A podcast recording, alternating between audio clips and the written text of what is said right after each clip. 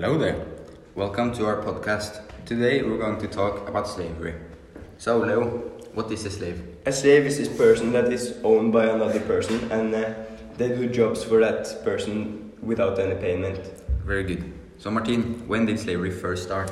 It started in Mesopotamia, six 6,800 years before Christ. In USA, slavery ended in 1865 and the blacks were oppressed. The rich white guys oppressed the blacks and treated them like shit. Um, the blacks were treated like they were worth less than others. Yes. Uh, 40 million slaves.